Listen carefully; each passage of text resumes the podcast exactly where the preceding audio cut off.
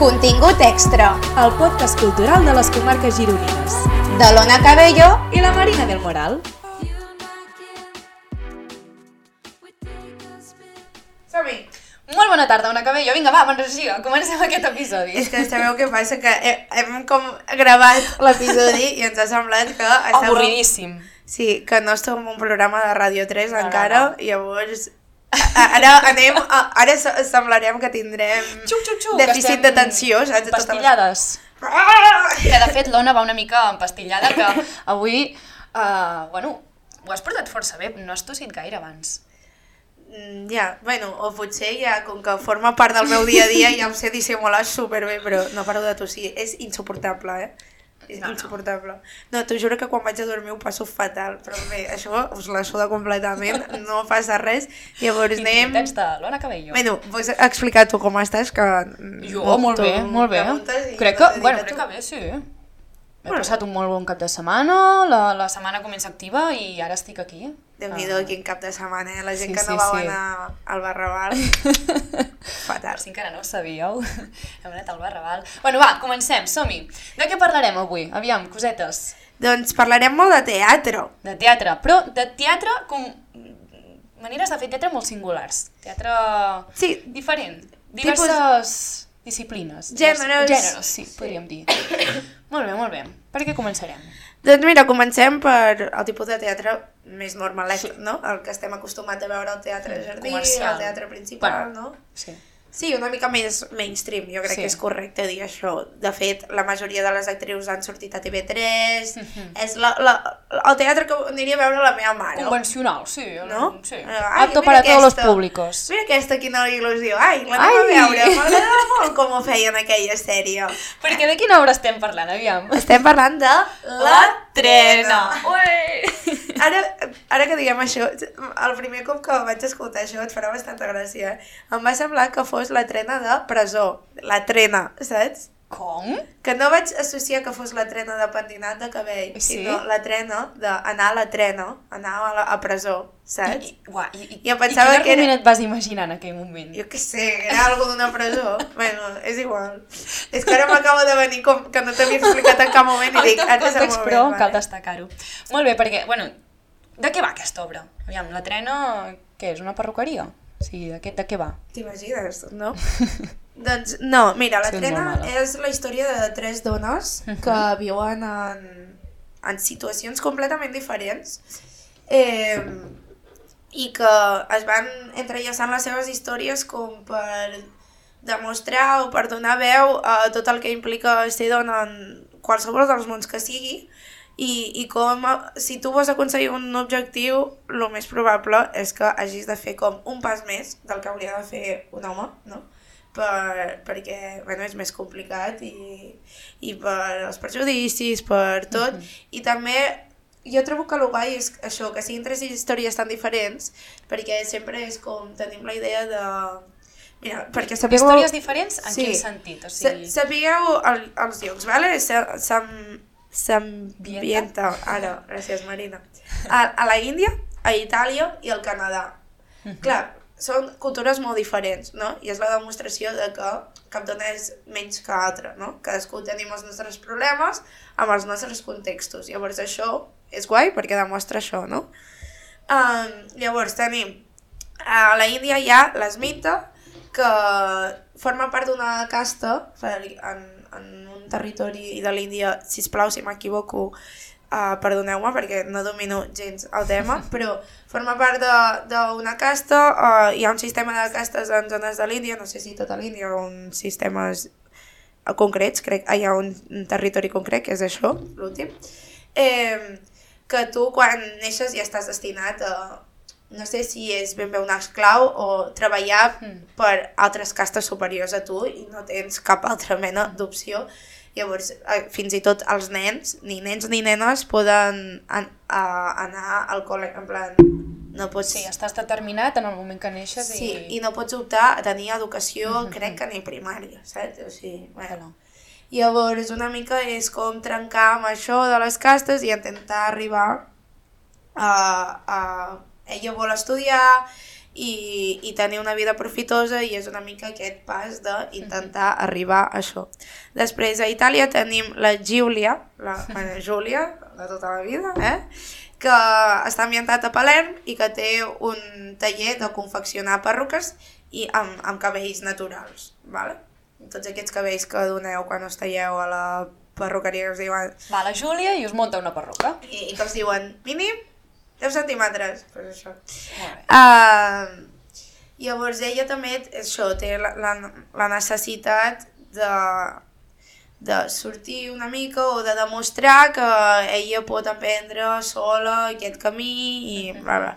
Pues un altre cop, a demostrar que podem i que som capaces. Vale. Després al Canadà, la Sara és una advocada d'èxit, ha, ha estat casada molts cops, té fills, el que quasi no veu, i també això, lo típic de si ets mala mare, si ets mala dona, bla, bla, bla.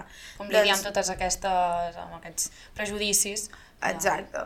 Llavors són aquestes mm, històries diferents que l'únic que volen demostrar és que al final totes les dones ens acabem trobant amb el puto problema de que hem de demostrar tot el que volem. I això, eh, aquesta obra, eh, la podreu veure el, aquest divendres al Teatre Principal d'Olot, aquest diumenge al Teatre Jardí de Figueres, però que a més a més a l'abril el teniu el 21 a l'Espai Ter de Torroella de Montgrí i el 29 d'abril al Teatre de Bescanó. Vull dir, ara està un moment així de tota la gira... Que també cal dir que totes les entrades estan exaurides. Sí, sí, sí. És molt teniu... fort. Si s'obren entrades, doneu-nos-les perquè no la podem missa. veure. Sí, sí. I, I a part d'això, ara que hem explicat una mica la sinopsi, si vols després ho recuperem, o vols comentar alguna cosa. Bueno, no, que uh, és una obra que està uh, adaptada a partir Ah, d'un sí. llibre de, de la Etitia Col- Colombani, que és una autora francesa que doncs, bueno, ha fet el, el llibre de la trena i... I que és actriu i que ara adaptaran Ah, sí. aquest llibre a pel·lícula. O sigui, a, fi, a finals d'aquest any, Sí, el dia del meu aniversari és molt fort, serà el meu regal d'aniversari. la pel·li... Sí, el 29 de novembre. Ah, clar, però jo ho estàs veient al guió, no? Sí, tinc la xuleta aquí. Doncs, i eh, una cosa també curiosa és que aquesta obra de teatre és possible gràcies a que tres de les quatre actrius que trobem, que són la Cristina Genevat, la Marta Marco, la Carlota Olsina i la Clara Segura, o sigui, la Cristina, la Marta i la Clara, s'havien llegit aquest llibre, elles individualment, Mhm. i com que són amigues, vale, van un dia coincidir i van dir, ai, mira aquest llibre, que xulo, perquè es veu, el 2017 crec que va ser que Sí, va va sortir ser el el llibre boom, sí, sí, sí. va ser això, va ser un boom i tot. Llavors, a partir d'aquí van dir, va, pues adaptem-la per teatre, ens encanta aquesta història, la volem explicar. I la Clara Segura es troba en el moment en què ha de fer de directora i actriu, cosa que és complicadíssim. Perquè penseu que per ser director tu has de veure tot el que Has de, passa. sí, has de jutjar una mica de manera externa el, el que està passant a l'escenari. I vaja liada, eh? És, és, És molt fort. És complicat. I les altres dues, la Cristina Genevat i la Marta Marco, són qui han fet la traducció i dramatúrgia de la novel·la. Vull Quina dir. feinada. Sí, sí. O sigui, les xapó, saps? Sí, sí. Sí, sí, I molt està guai. triomfant i no m'estranya, vull dir, és que tothom surt del teatre contentíssim i que segueixin tenint molt més èxit, Sí. la veritat. I també volia parlar una mica Aviam, de, de, què? De la posada en escena. Això també és molt interessant, perquè és una posada en escena, en escena super simple. O sigui, sí. són tres parets blanques i a partir d'aquí, bueno, Sí, sí. tu si vols, sí, sí. No, no, ja ho estàs dient perfecte, Marina. Gràcies, Anna. Són com, com un tríptic obert, us heu d'imaginar, no?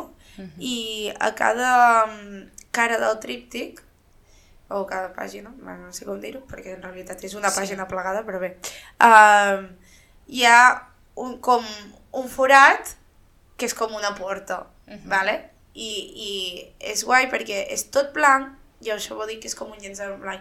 Eh, clar, com poses l'escena?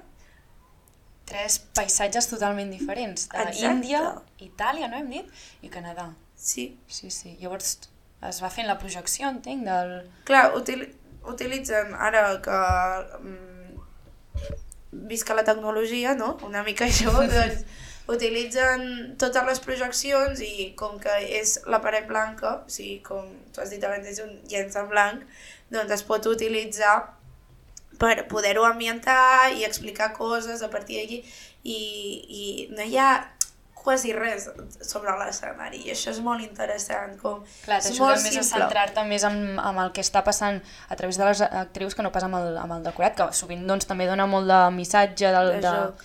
i de joc, sí, sí. sí, sí, és una Um, decisió completament conscient i interessant Molt bé. I bueno, també uh, a mi m'agradaria parlar una mica del títol de l'obra, perquè la trena té molt de significat. Hem estat parlant d'aquestes tres dones que tenen camins totalment diferents però que es van uh, entrelligant com aquesta trena que són doncs, uh, tres porcions de cabells uh, i que també és un símbol de, de la feminitat, no? el fet de fer trenes, de, no sé, de, de teixir-te uh, entre tu mateixa i la, la resta de les teves amigues, o potser. I que també va una mica lligat amb... Bueno, no sé si vols parlar alguna més de la trena o podem passar ja al següent tema, que és l'obra de costura d'Helena de, Romero, que doncs, també és una obra que, al igual que la trena, doncs, eh, parla una mica de tot aquest teixit entre tres dones. Eh, bé, és una obra que està programada pel 10 de, el, per al dia 10 de març al Centre Cívic de Porqueres, però que ha tingut tant d'èxit que també les entrades exaurides i han hagut d'obrir una segona funció el dia 12 de març, que si no m'equivoco encara queden algunes entrades, per tant, eh, correu a comprar-les perquè és eh, super recomanable. Sí, de fet, jo hi vaig. I, he I vas, al final? Hi vaig, i vaig amb la meva mare i la meva germana. Jo crec que, que El- els boníssima he- decisió anar-hi... Perquè la Marina ja hi havia anat. Sí, sí. De fet, és una obra que uh, va sorgir a través del treball de final de grau de, de l'Helena.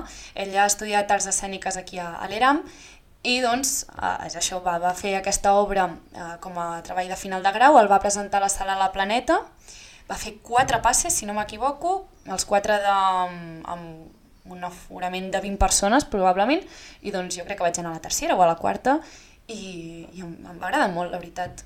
Sí, ens fa molta il·lusió perquè és una artista de comarques gironines, ella és gironina, o sigui, ha Sí, estudiat sí. aquí, però és que és d'aquí també. Uh -huh. I, I perquè és teatre d'objectes, que ens, ens sembla un tipus de teatre molt més íntim, especial... Sí, costa molt de veure, jo crec també de, de tenir referents, de que la gent conegui aquest tipus de teatre, perquè, bueno, és el que he comentat, com és, uh, es fan com passes tan reduïts, uh, poca gent realment ho pot anar a veure, I o... perquè el, el protagonisme el tenen també tant les mans, Exacte, no? sí, sí, que és sí. com... És t'acabes oblidant molt íntim, molt- De, de qui toca els objectes. Exacte. La importància són els objectes, Exacte, perquè bé, en l'obra de costura l'Helena el que, el que fa és relatar la història familiar de la seva àvia Úrsula, la seva mare Laura i la, la seva pròpia història de l'Helena i tot això ho fa a través d'objectes personals, o sigui, objectes que ha trobat doncs, a, a, la, a casa seva i, jo què sé, doncs, és que realment els objectes, o sigui, el teatre d'objectes el que fa és, és posar protagonisme i donar ànima a tots aquests, uh, aquestes peces que ens acompanyen al llarg de la nostra vida i que tantes coses expliquen de nosaltres indirectament.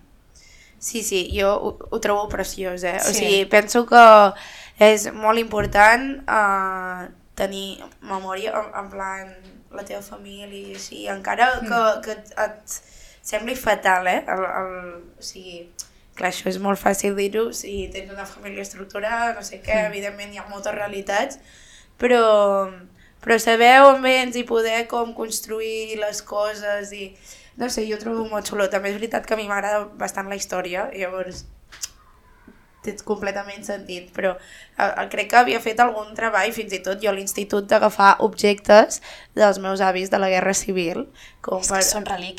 per, per viure això.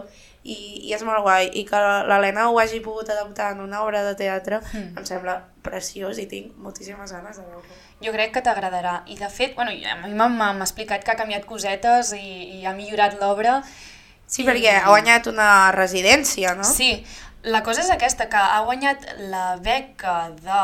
Espera, aviam si, si, si no m'equivoco. De...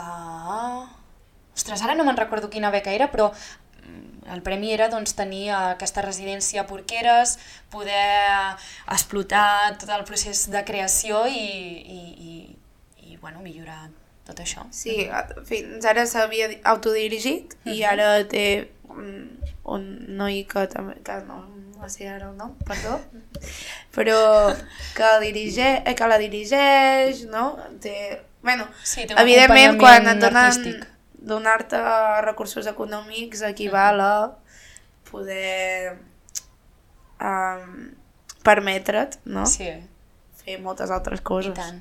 De fet, uh, si us sembla, doncs us posarem també un àudio on, ens, eh, on ens, hem aconseguit que l'Helena ens expliqui de què va l'obra, què pretén uh, amb ella i, i bé, l'escoltem. Som-hi! I pel que fa a l'espectacle, doncs eh, es diu costura perquè, perquè en escena l'element principal és un, una màquina de cosir, tot i que no veiem fins al final què és una màquina de cosir, sinó que és un moble que té múltiples posicions, no? I, i és una cosa, eh, és una cosa, mai més ben dit, no? Una cosa, aquest uh, objecte, cosa, no? Eh, com traient-li pes. Però en realitat té tot el pes del món, no? Perquè eh, era un objecte mm, de grans dimensions, eh, present al llarg de, de la nostra vida i història familiar, eh, sobretot a les dones. I jo mai m'havia preguntat què era, no? fins que una pregunta, la curiositat va despertar tota aquesta història, no? i al voltant d'això vaig començar a relacionar-hi molts altres objectes, com eren eh, fotografies, postals, eh, teixits, mm, etc. No? I vaig veure com això, com ens havíem anat transmetent eh, sabers i coneixements al llarg de les diferents generacions de, de dones de la meva família, tot i que hi ha certes coses a la història que es repeteixen no? per falta de coneixement, per no preguntar-nos eh, què és això, d'on venim, no? I jo el que proposo és eh, fer aquesta petita reflexió cadascú de manera individual, però ho faig des de, des de la meva pròpia història, no? però també convido que tothom, en acabar de veure l'espectacle, torni a casa i digui mm, què feien els meus besavis, no? eh, com va ser la seva vida, com ha estat la vostra vida, pares i mares, o avis, àvies, si és que encara els tenim vius, si no hi ha els objectes que ens poden donar molta informació, els arxius, etc. per identificar realment eh, si estem condicionats o no pels, pels nostres ancestres, pel nostre passat, i intentar evitar una mica aquesta frase, que és una mica el leitmotiv de l'obra, no? de qui no coneix la seva història eh, està condemnat a repetir-la. I volem fugir una mica d'aquesta condemna, no? ser, ser una miqueta més lliures per molt que poder no ho siguem del tot, però com més coneixements tinguem sobre nosaltres mateixos i, en, i, en, i per conseqüència sobre la nostra història, dels nostres avantpassats, més eines tindrem per prendre les nostres pròpies decisions i identificar què volem i què no volem a la nostra vida i, i com Costura diu, eh, fer-se una peça de roba nova, de zero, per un mateix. Uh, I això seria tot, la veritat.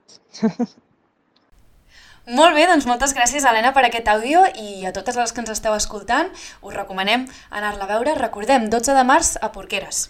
I si hi aneu, em veureu a mi. Exacte, saludeu a l'Ona. Què Vale, fem? va. Passem al següent tema? Sí. Què més Um, tenim?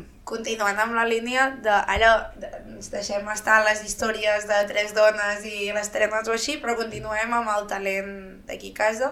De fet, I tipus de teatre així xulos. exacte, exacte. De fet és um, el teatre verbatim, que molta gent no sap què és, no? I a vegades eh, molta gent que ha anat a veure eh, obres de teatre d'aquest gènere i no n'ha sigut conscient.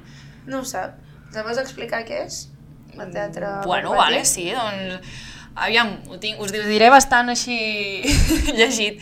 Uh, però bàsicament és una representació escènica que es limita a reproduir paraula per paraula textos reals que no s'han escrit exactament per escenificar, però que són una mica doncs, el, el fil conductor de, de, de l'obra.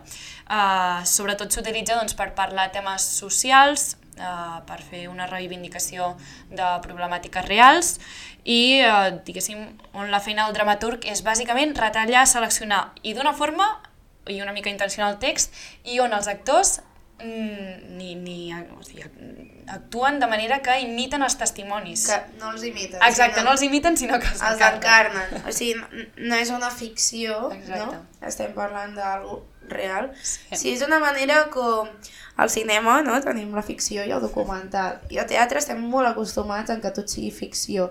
I és com una manera de fer teatre documental, no? Podríem sí, dir-ne. Sí, sí. Uh, per això es diu que no, que no s'imita, sinó que s'encarna. Perquè el que fa, bueno, ja ho explica molt bé la Marina, o sigui, totes aquestes entrevistes que, que trobem per entendre què, què li va passar no sé qui, que no sé què, doncs és, Mm. la, el, totes les frases que s'acaben escollint i es repeteixen tal qual i com es van dir i sense acabar exagerant res ni... i per això crec que és un teatre que funciona molt bé per fer totes aquestes denúncies socials perquè joder, qui millor que les persones que pateixen Sí. totes les desigualtats o tots els problemes que es puguis tenir eh, que t'expliquin les coses i de fet aquesta obra va de com destruir una casa em, em sembla bastant bueno, és com poètic, no? Busquen alguna així És bo el títol. És... i és molt guai, no? L'hem anat a veure, les dues. Aquí sí que hem fet pleno. Sí, i juntes. Sí, sí. Sí, sí, la vam anar a veure a la Planeta ja fa mesos, ara repeteixen. Um, perquè sapigueu una mica abans d'entrar en la trama, no? que també és molt guai. Eh, el, un dels directors, són dos directors, vale? hi ha l'Aleix Plana i l'Oriol Morales, i l'Oriol Morales és, Empordanès. Ah, l'Empordanès. és del fa, no? Bueno, és, bé, sí. Ostres, no ho sé. Ah, Figueret. Hauríem demanat Figueret. encara Eh, és empordanès, vale? Uh, i, I bueno, ens fa molta il·lusió perquè que millor que algú de casa. De fet, jo la... només he vist dues obres vale, de l'Oriol. He vist aquesta, Com destruir una casa, i he vist Bruels, que Bruels és, um, la va dirigir una companyia empordanesa que és La Llarga, hi ha la Rebeca i ara també estan fent una altra producció i Bruels em va semblar una obra Preciosa. preciosa que també vaig veure a la Planeta i ara, pues, com destruir una casa realment és una obra que em va sorprendre un piló, o sigui, no tenia el llistó tan alt molt. i... Sí, sí, i, i bé, l'Oriol, el que dèiem, és de, de Figueres, és director de teatre, um, ha estudiat a l'Institut del Teatre, um, bueno, és, ha estat també, res, uh, com es diu, bueno, fent Fent residència, sí, uh, a la sala Beckett, o sigui, podríem Té un dir... currículum força totxo. Sí, sí, i de fet en Bruels van guanyar el Premi Adrià Gual, que els va permetre estrenar el Festival Grec.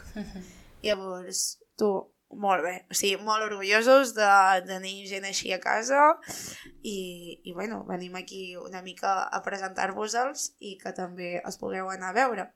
I ara anem una mica més a l'entramat. De què va l'obra? Com destruir una casa? Vale, doncs com destruir una casa parla una mica sobre la problemàtica de l'habitatge al, al nostre país. Aquesta seria una mica la premissa. Llavors el que fa és, a partir de quatre personatges reals, que són la Roser, la Georgina, l'Augusta i la Milcar, doncs um, anem veient diverses experiències, diverses vivències que ha tingut uh, la, bueno, aquests quatre personatges um, relacionant amb el tema de l'habitatge i com el, aquest problema arriba afectant a les seves, uh, els seus problemes del dia a dia, jo què sé, les seves relacions socials, el seu entorn laboral, uh, bueno, amb tot, no? I, Exacte. De fet, o sigui, la Marina diu personatges perquè tingueu al cap que són doncs, quatre caràcters diferents, però recordem que és teatre verbatim. O sigui, Clar, es nodreix també de molts altres i, testimonis. i que, no, que vol dir que són testimonis reals, o sigui, són gent Exacte, real sí. que els hi ha passat això, llavors és bastant interessant veure com fan aquest paper d'encarnar, perquè ho juguen també molt amb l'audiovisual, no? i veus com van vestits exactament igual que el dia de, de l'entrevista, no? Sí, sí, En sí, que fan sí. per poder fer l'obra i així. I una altra cosa que he trobat interessant és tota l'estona um, com aquest efecte que fan de ara ens posem serios, ara anem a riure. Sí, Ara és que parlem-ne, perquè les Ja ho intèrprets tractem. són bonics. Bueno, jo, que jo vaig... anem dit els noms a les intèrprets. Posem-les en escena, aviam. La- La... Són la Karin Barbeta, la Marta Fígols i la Carolina Morro, que a mi... Brutals, brutals, brutals. brutals, brutals, brutals. Uh, és que ens pixàvem de riure, però alhora doncs, també ens posàvem com en estat de tensió, en estat de... Bueno, no sé, un 10. Sí, és, és una obra que passes com per molts estats sí, sí, diferents. sí, sí, sí, sí. És guai, això. sí. De fet, quan durava? Uh, dues hores? No sé, o- però se m'ha passat rapidíssim a mi. És va que passar mm, rapidíssim i jo, per exemple, que hi vaig portar una persona que no, no, ja, bueno, no està acostumat a anar al teatre i així, quan li vaig dir la durada es va espantar una mica i quan va acabar va sortir encantat. I jo, Sí. en plan, toma, victòria, saps? Sí, sí, sí. Superbé.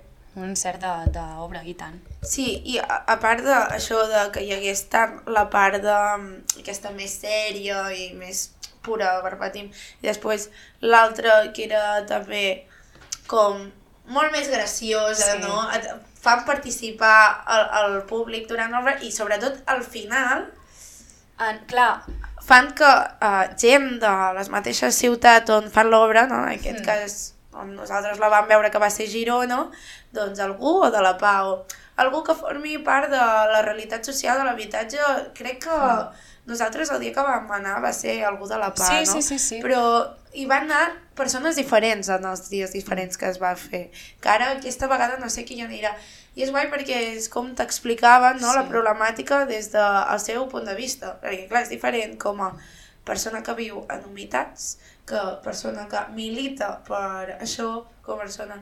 I una mica també és la, la preocupació i el que es volien plantejar és que si realment um, el teatre, verbatim ajuda sí, que si a serveix per reflexionar alguna i a canviar coses, sí. Sí, jo crec que va, va ser No una, sentiràs, una obra... Marina, si parles amb la boqueta tan petita. Voleu que parli més alt? Parlarem més alt, som-hi! Um, no, que deia que jo, jo, jo vaig trobar que era una obra molt completa, no només per tot el material que se'ns va oferir durant, durant uh, l'obra, sinó també per això que comentes tu, de que al final doncs, va haver-hi aquest col·loqui postfunció que no era ben bé un col·loqui postfunció, sinó que ja estava com superintegrat en l'obra i no sé, Sí. va ser una masterclass de, del tema d'habitatge, per mi, que no Sí, hi estic gaire... Sí, a mi realment em, em va fer reflexionar no tant del tema de l'habitatge, sinó la pregunta que es plantejaven ells mateixos de si el teatre serveix d'alguna cosa. Perquè sí, mm, sempre em dona aquesta sensació, no?, de que surten polèmiques, la gent sempre dona molt l'opinió, però després Mm. què, saps? I per mi la conclusió és que de moment després res. O sigui, no d'aquesta obra, eh, sinó de tot. Sí. I, I sap greu, sap greu, sap greu.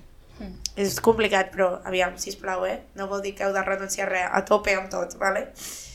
Um, I de fet, ells també, ara no me'n recordo no me'n recordo com es deia, que mencionaven, perquè a la segona part de l'obra posen aquesta qüestió molt més al centre, no?, de si el teatre serveix d'alguna cosa, i mencionen a gent del teatre, no?, de...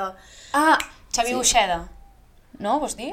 No, me- mencionaven a, a una dona que, que deia, hòstia, em sap greu, em sap greu no recordar-me, bueno, és que només sé Vale, d'aquell, vale. no, que deia això de, el, en el moment en què tu fas alguna i la gent ja surt parlant d'això i estàs fent alguna cosa, o sigui, Sí. per mi, fer ha això, ressonat una mica. fer això i és que el teatre serveixi. Mm.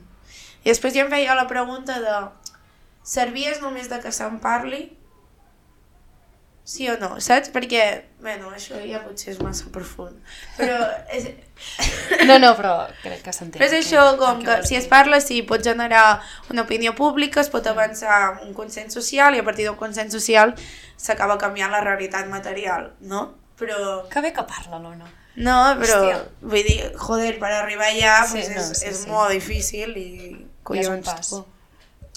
I una mica això, bueno, que Molt bé. està molt bé, passareu molt bona estona i Recordem es fa dates, perquè el així 16, el 17, el 18 i el 19 de març a, a la Planeta. Que a la Planeta sempre fan coses boníssimes. Uh, D'aquí poquet també fan confitura de codony, bueno, moltes altres coses que, que ja us anirem destacant. I, i sobretot d'aquesta obra, uh, una cosa que també em sembla molt interessant és la proposta escènica, en plan, la Sí, escenografia, sí. que, bueno, feu un cop d'ull també, fixeu-vos en Sí, aquestes sí. coses perquè com mouen, els, com els carros Ah, que tenen... sí. I en aquí, bueno, que l'hem deixat una mica a l'aire, l'Aleix Plana, que, que també és el director, i ell s'encarrega de tota la part audiovisual, perquè ell ha estudiat audiovisuals, i, i el que comentàvem una mica abans amb la trena, que ara el tema de l'audiovisual es porta com a, a, a tot arreu, i en aquesta obra doncs, també se li dona bastanta força en aquest sentit, i és, diguéssim, la part que, que ha gestionat l'Aleix. Exacte. Sí, sí. Doncs som-hi. Anem a canviar. Eh, Hem, hem tocat el Pla de l'Estany, hem tocat uh, bueno, Figueres, no? Sí, una mica de tot. Ara, Estem fent Girona. un tour per les Doncs mira, ara ens quedem una mica a Girona, però sobretot ens anem cap a Olot. Sí, sí, sí. I anem a parlar del Festival Mot. Uh -huh. El Festival Mot, què en podem dir d'ell? Un festival... Què podem dir ahir? Sempre molt simpàtic. Parlem-ne, parlem-ne, perquè clar, és un festival literari, uh, és un festival de literatura organitzat uh, conjuntament per l'Ajuntament de Girona i l'Ajuntament d'Olot.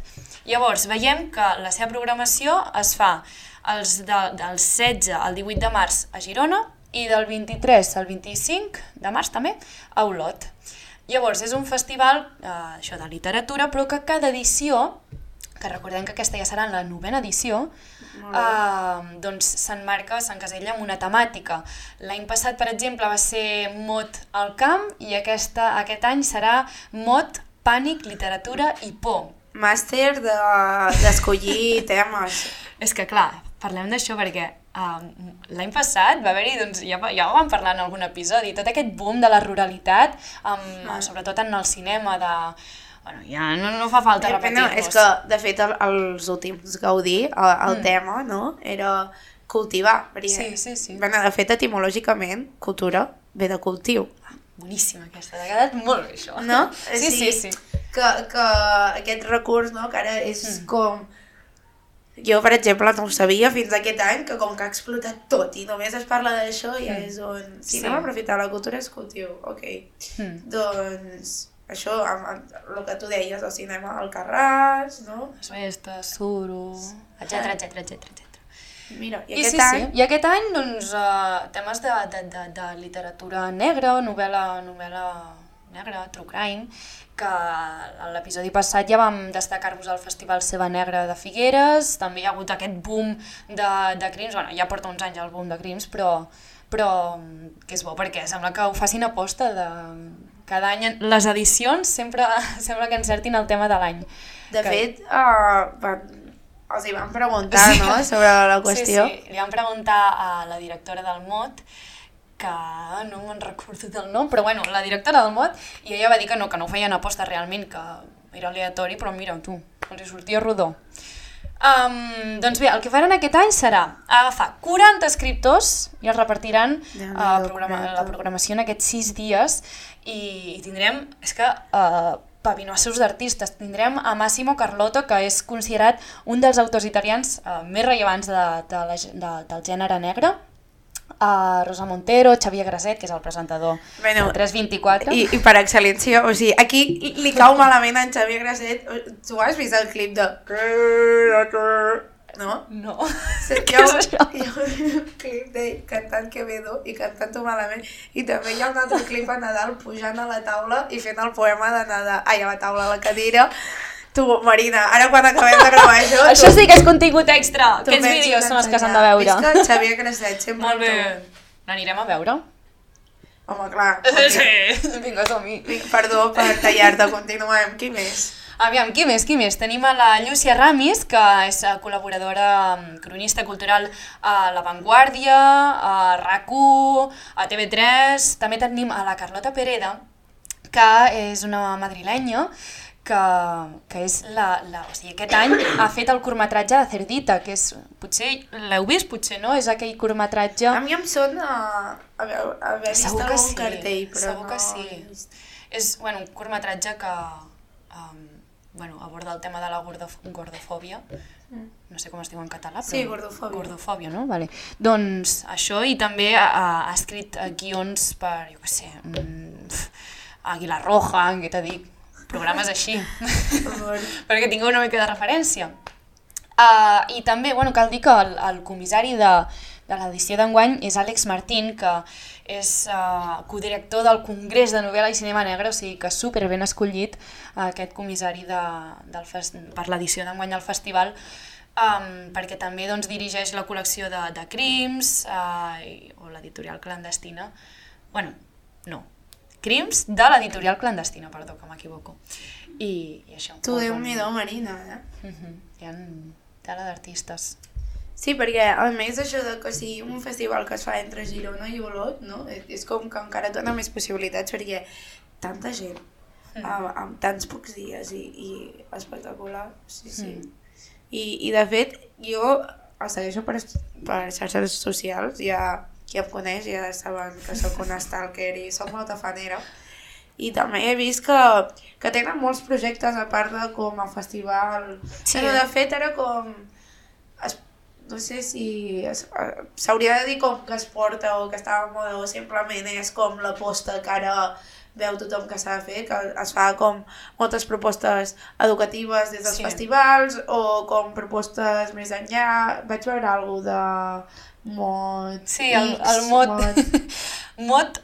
Bueno, plus, mot més, mot símbol de suma, com es vulgui dir, que és doncs, això que comentaves, no? que a part del festival també es fa um, doncs, aquesta iniciativa de programació paral·lela uh, durant bueno, se- s'extén una mica en els mesos previs al festival i posteriors al festival, oferint doncs, tota una programació de, de jo què sé, curs d'escriptura de gènere policíac, xerrades, taules rodones, espectacles teatrals, que també doncs, um, nodreixen una mica i complementen uh, el festival. Llavors, sí, sí, també estan als instituts, hi ha el, el mot INS, mot, uh, bueno, sí, que es porta als instituts per tal de fomentar um, bueno, la, la, la passió per la literatura i Molt bé. tot això. Sí, està bé. Mhm. Molt bé, doncs mira, ja tenim una mica de tot, eh? Un altre episodi a la butxaca, o no? Sí, sí. I, i aquest, hòstia, ens hem, ens hem allargat aquí, jo crec. No, no tant, mitja horeta. Si ens heu escoltat, ja ens podeu... Sí, jo vull fer un reclam. Mira, vam fer l'últim episodi el reclam de que ens diguéssiu alguna cosa i ens han dit alguna cosa. Llavors... ens, sí, ens Moltes ha fet molta il·lusió, de veritat. Gent que ens, que ens escriu i, i dius, hòstia, realment som nosaltres només les úniques que ens autoescoltem, les nostres mares? Però no, hi ha més gent, ué! I, Gràcies. I jo vull un altre reclam, i és que, si us plau, uh, totes les activitats que us agradin i que siguin d'entitats socials i que no, bueno, d'entitats culturals, perdó, o, o bueno, socials també, eh? Um, que estiguin en el vostre entorn i que nosaltres potser no coneixem o no arribem, sobretot si són de comarques que no són la nostra, que ens costa molt més arribar, passeu-nos-ho, perquè Clar. cada setmana fem l'agenda i cada 15 dies fem una altra agenda, o sigui, un reels també de propostes i ens agradaria com poder arribar a, a llocs on si vas depèn d'on no arribes. Llavors, els nostres DMs els volem veure en propostes Fueguitos, fueguitos. per poder seleccionar i, Mm. i poder agafar més coses. Sobretot a mi em costa de- del Baix Empordà. No sé per què. No sé, jo tampoc no sé per què, eh, vaja. Nosaltres que no som el d'empordanesos, No, eh? no, no, t'ho juro, t'ho juro. No, no. Ja, sí. A nivell web o així, no sé. Bueno, jo crec que, bueno, és igual, això ja és una altra conversa, que té a veure amb que no tenen un centre com a tal, sinó que el, el Baix Empordà està molt repartit, saps? En, com en centre, centres diferents de població, saps? A l'Empordà és com Capital Figueres, saps? Però ja és uh, Pala... La Bisbal. La Bisbal, Palamós, Palafrugell, sí. no sé com, hi ha massa, moltes realitats. Però bé, això ja és un altre tema. Llavors... Ajudeu-nos una mica amb aquest tema. Que, bueno, ajudeu, que al final també eh, i totes les agendes Sí. que ho fem són pensant en vosaltres i, i que millor que saber què us agrada veure i que això. Exacte. I dit això, un petonet, Ens veiem i, d'aquí 15 dies, i au. si no passa res extraordinari. Home, no. I, Si Déu vol, ens veiem d'aquí 15 dies. i una abraçada molt forta. Adéu. Adéu, adéu. adéu.